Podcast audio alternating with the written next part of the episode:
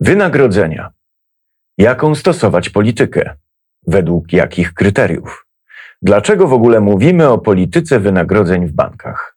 Jakie zmiany zachodzą w tym obszarze? Tego wszystkiego dowiecie się z tekstu Polityka wynagrodzeń w banku spółdzielczym w świetle bieżących zmian prawnych. Przygotowanego przez mecenasów Wojciecha Kapice i Wojciecha Stawnickiego z firmy SMM Legal Maciak Mataczyński Adwokaci Spółka komandytowa z siedzibą w Warszawie. Czyta Michał Kocurek.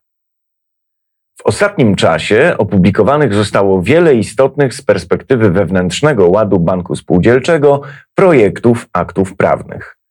Akty te tworzone są zarówno na poziomie krajowym, jak i europejskim. Przykładowo wskazać można na opublikowany pakiet CRD V ukośnik CRR2 i w ślad za nim idącą implementację poprzez nowelizację prawa bankowego do polskiego prawa w ramach projektu. Widoczna jest także wzmożona aktywność regulatora bankowego w tym zakresie, zarówno na poziomie europejskim, jak i krajowym. Najjaskrawszym tego przykładem jest opublikowana w październiku 2020 roku przez KNF rekomendacja Z. Istotnym zagadnieniem modyfikowanym w ramach powyższych regulacji jest polityka wynagrodzeń. W niniejszym artykule autorzy postarają się przybliżyć charakter owych zmian i ich wpływ na funkcjonujące w ramach banku spółdzielczego wewnętrzne regulacje w tym zakresie. Czym jest polityka wynagrodzeń? Mianem polityki wynagrodzeń należy określić akt wewnętrzny funkcjonujący w ramach banku spółdzielczego, określający zasady wynagradzania pracowników w szczególności tych zajmujących kluczowe stanowiska w ramach struktury wewnętrznej.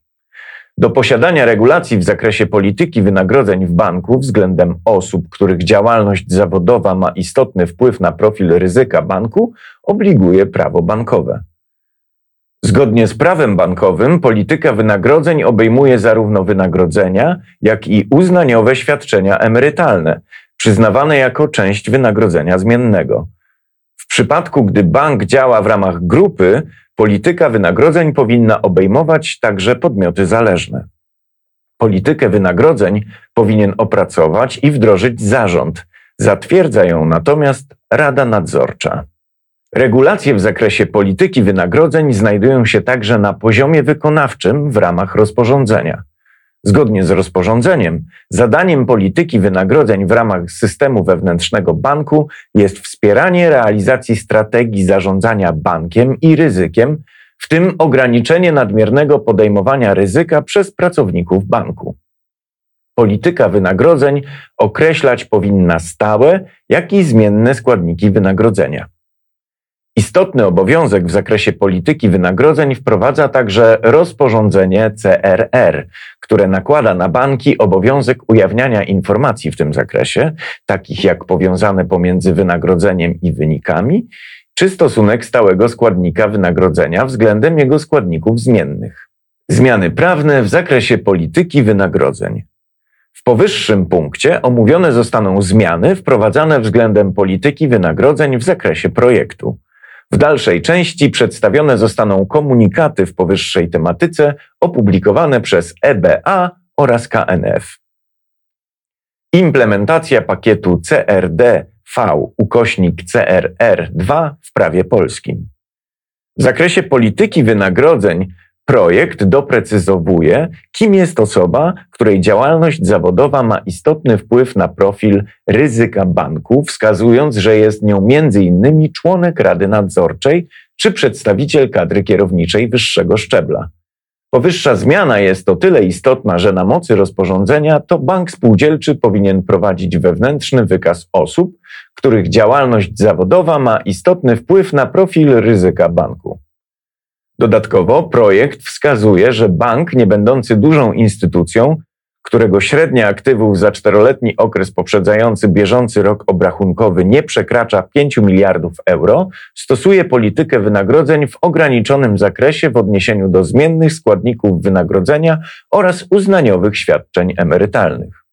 Bank ten może ograniczyć także stosowanie polityki wynagrodzeń względem osoby, której wartość zmiennej części wynagrodzenia w ujęciu rocznym nie przekracza zarówno 500 tysięcy euro, jak i 1 trzeciej jego łącznego rocznego wynagrodzenia.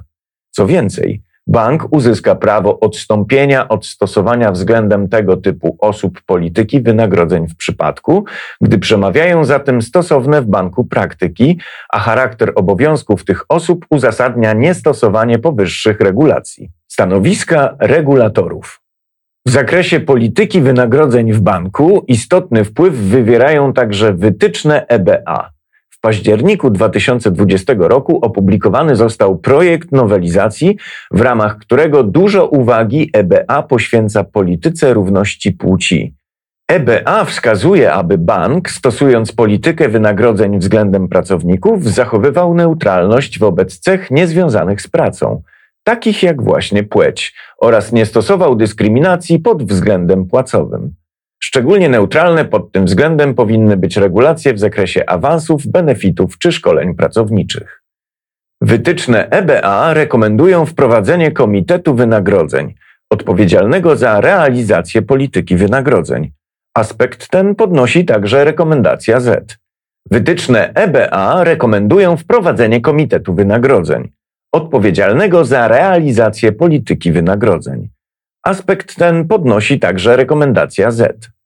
Na gruncie polskiego prawa tożsamy obowiązek wprowadza prawo bankowe, precyzując, że w skład powinny wchodzić osoby zajmujące funkcje nadzorcze w banku. Wpływ na kształt polityki wynagrodzeń w banku spółdzielczym wywiera także rekomendacja Z. Spośród najistotniejszych zmian w zakresie wynagrodzeń wskazać należy na obowiązek umieszczania przez bank w wewnętrznej regulacji dotyczącej wynagradzania maksymalnego stosunku średniego całkowitego wynagrodzenia brutto członka zarządu w okresie rocznym do średniego całkowitego wynagrodzenia brutto pozostałych pracowników banku. Stosunek ten powinien być przy tym ustalony na poziomie umożliwiającym skuteczne wykonywanie zadań przez pracowników, mając na względzie także ostrożne i stabilne zarządzanie bankiem. Powyższe regulacje implikują po stronie banku spółdzielczego obowiązek przeprowadzania audytu nakierowanego na zbadanie pod kątem zgodności zawartych w ramach aktów wewnętrznych regulacji. Z praktycznego punktu widzenia wydaje się, że optymalnym momentem przeprowadzania audytu będą prace w ramach wdrożenia rekomendacji Z, którą to banki muszą przyjąć do 31 grudnia 2021 roku. W zakresie projektu data wejścia w życie, zważywszy na toczące się prace legislacyjne, nie jest jeszcze znana. Znowelizowane wytyczne EBA w finalnej wersji mają zostać opublikowane w pierwszej połowie 2021 roku. Względem bankowości spółdzielczej szczególnie istotne jest uwzględnianie w ramach wdrażania powyższych regulacji zasady proporcjonalności.